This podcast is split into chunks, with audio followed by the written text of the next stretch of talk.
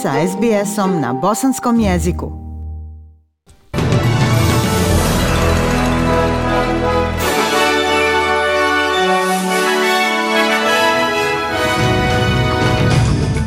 U današnjim vijestima poslušajte. Queensland bilježi najveći broj slučajeva COVID-19 u zajednici u posljednjih godinu dana.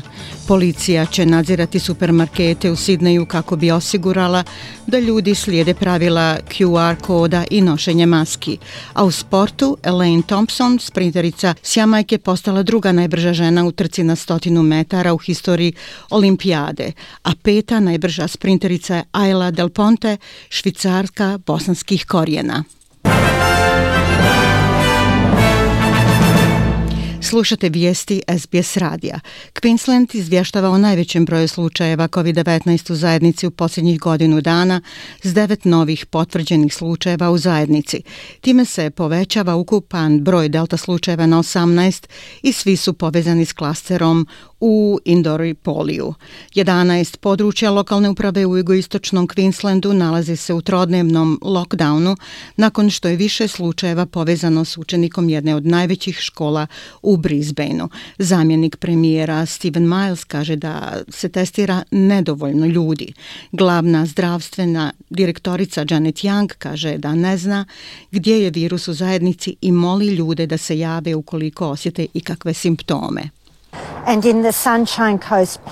Na Sunshine Coastu molim vas posebno je važno da se oglasite jer sumnjam da je tu izbijanje započelo, a zatim je doseglo kritični nivo gdje je počeo eskalirati. Ali dalje mislim da će tu biti slučajeva za koje ne znamo, a ako ih ne pronađemo, oni će se nastaviti širiti. Tako da je to zaista kritično. Nemam nikakvu vezu između ovih slučajeva koji su se dogodili i gdje su prvobitno počeli od te dvije osobe koje su došli u Queensland iz inostranstva sa istim nizom genoma. Dakle, ovo je kritično, zato svi ostanite kod kuće. 11 područja lokalne uprave sada se smatraju nacionalnim žarišnim tačkama, a pogođeni ljudi sada će imati pravo na vladinu finansijsku podršku. Novi Južni Vels izvijestio o 239 novih lokalnih slučajeva covid jer se virus nastavlja širiti na radnim mjestima i u domaćinstvima. 115 ih je povezano s poznatim slučajevima ili grupom a 26 je bilo u zajednici. Premijerka Gladys Berejiklian kaže da na sreću slučajevi nisu bili izvan osam glavnih područja. U posljednja 24 sata javilo se preko 82.000 ljudi na vakcinaciju. Gospođa Berejiklian kaže da će veće stope vakcinacije dovesti do više sloboda. Izazov za nas je vakcinisati što više moguće ljudi u augustu, pa do 28. imamo mogućnosti kako da ublažimo ograničenja. Želim to razjasniti. Potrebno je učiniti da stvari budu postepene. Nakon što dođete do određene prekretnice, možete provjeriti je li populacija cijepljena i omogućiti veće ublažavanje ograničenja. I zato je zaista pozitivno što se ljudi javljaju na cijepljenje. Policija će ciljati supermarkete i veće prodavnice u Sidneju kako bi osigurala da ljudi poštuju kodekse za prijavu covid i zahtjeve za maske za lice. Preduzeća koja ne poštuju sistem provjere QR dobit će kaznu od 5000 dolara.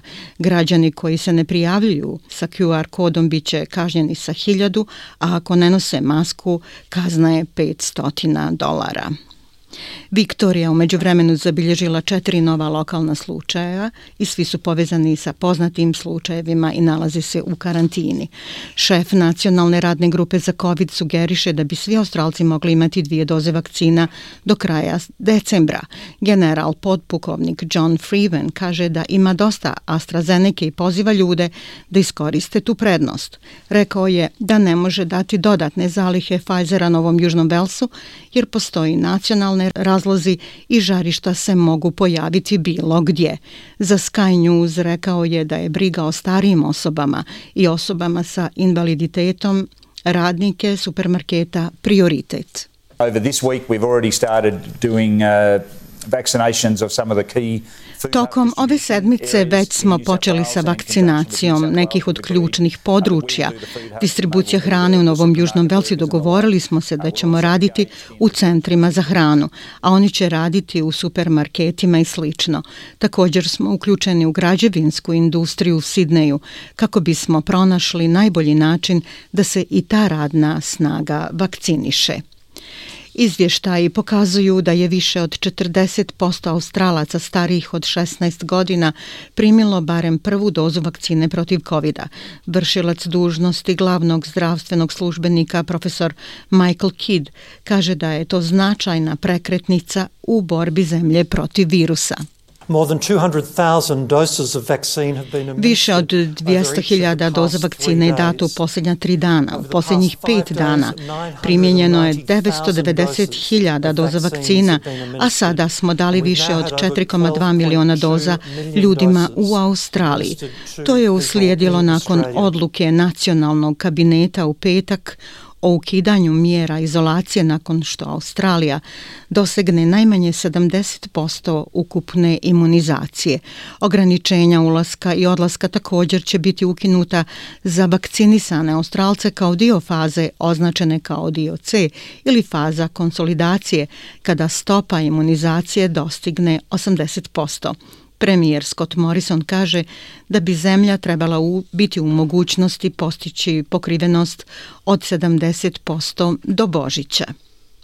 Australska federalna policija objavljuje seriju slika koje prikazuju kako bi sada moglo izgledati sedam Australaca koji su nestali prije 40 godina. Danas počinje nacionalna sedmica nestalih i od javnosti se traži da pomogne u rješavanju misterije koja stoji iza ovih slučajeva. Slike su stvorili forenzički umjetnici i bit će prikazane u nizu kratkih videozapisa za ovogodišnju temu pod nazivom Njihovo se lice moglo promijeniti, ali se nije promijenilo to da nam nedostaju. Više od 40.000 Australaca se vodi kao nestalo svake godine. Iz svijeta, vatrogasci na Siciliji bore se sa desetinama požara izazvanih visokim temperaturama.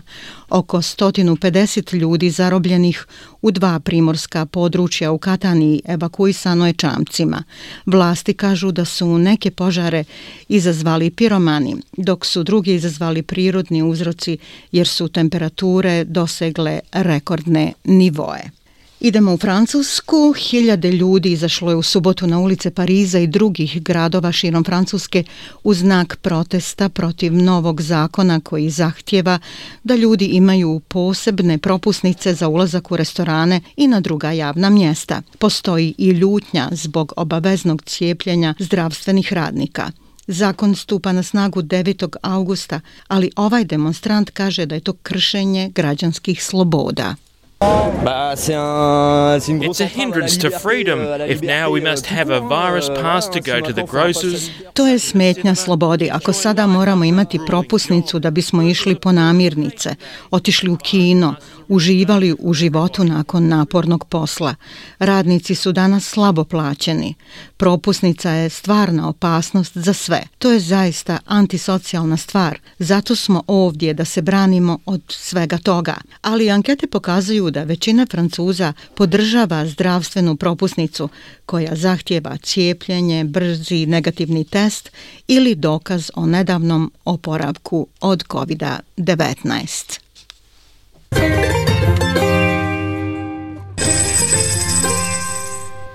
Prema kursnoj listi australski dolar danas vrijedi 0,73 američkog dolara, 0,61 eura, 0,52 britanske funte i 1,21 bosanske konvertibilne marke.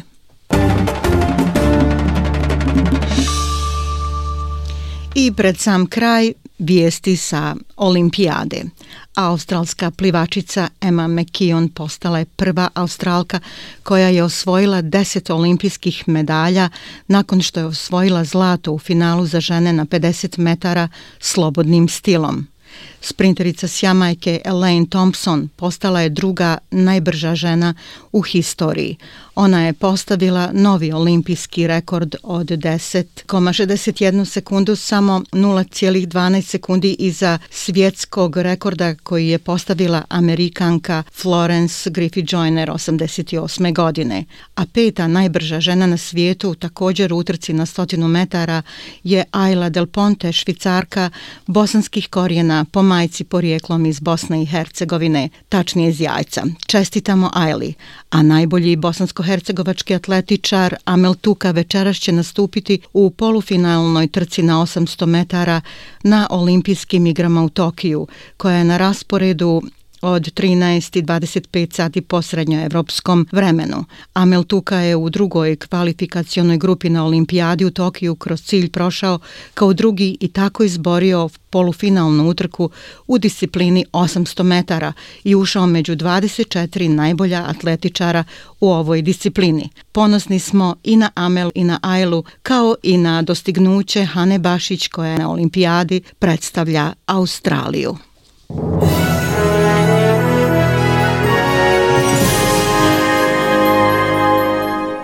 I za kraj vijesti poslušajte temperaturne vrijednosti za veće gradove Australije. Perth 16, Adelaide 15, u Melbourneu 15, također Canberra pljuskovi 15, u Sidneju oblačno 24, Brisbaneu sunčano 27 i u Darwinu sunčano 32 stepena. Bile su to vijesti SBS radija na bosanskom jeziku. Ja sam Aisha Hadži Ahmetović. Ostanite uz SBS radio.